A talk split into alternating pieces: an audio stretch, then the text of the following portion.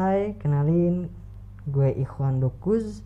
Selamat mendengarkan podcast 9 Cerita.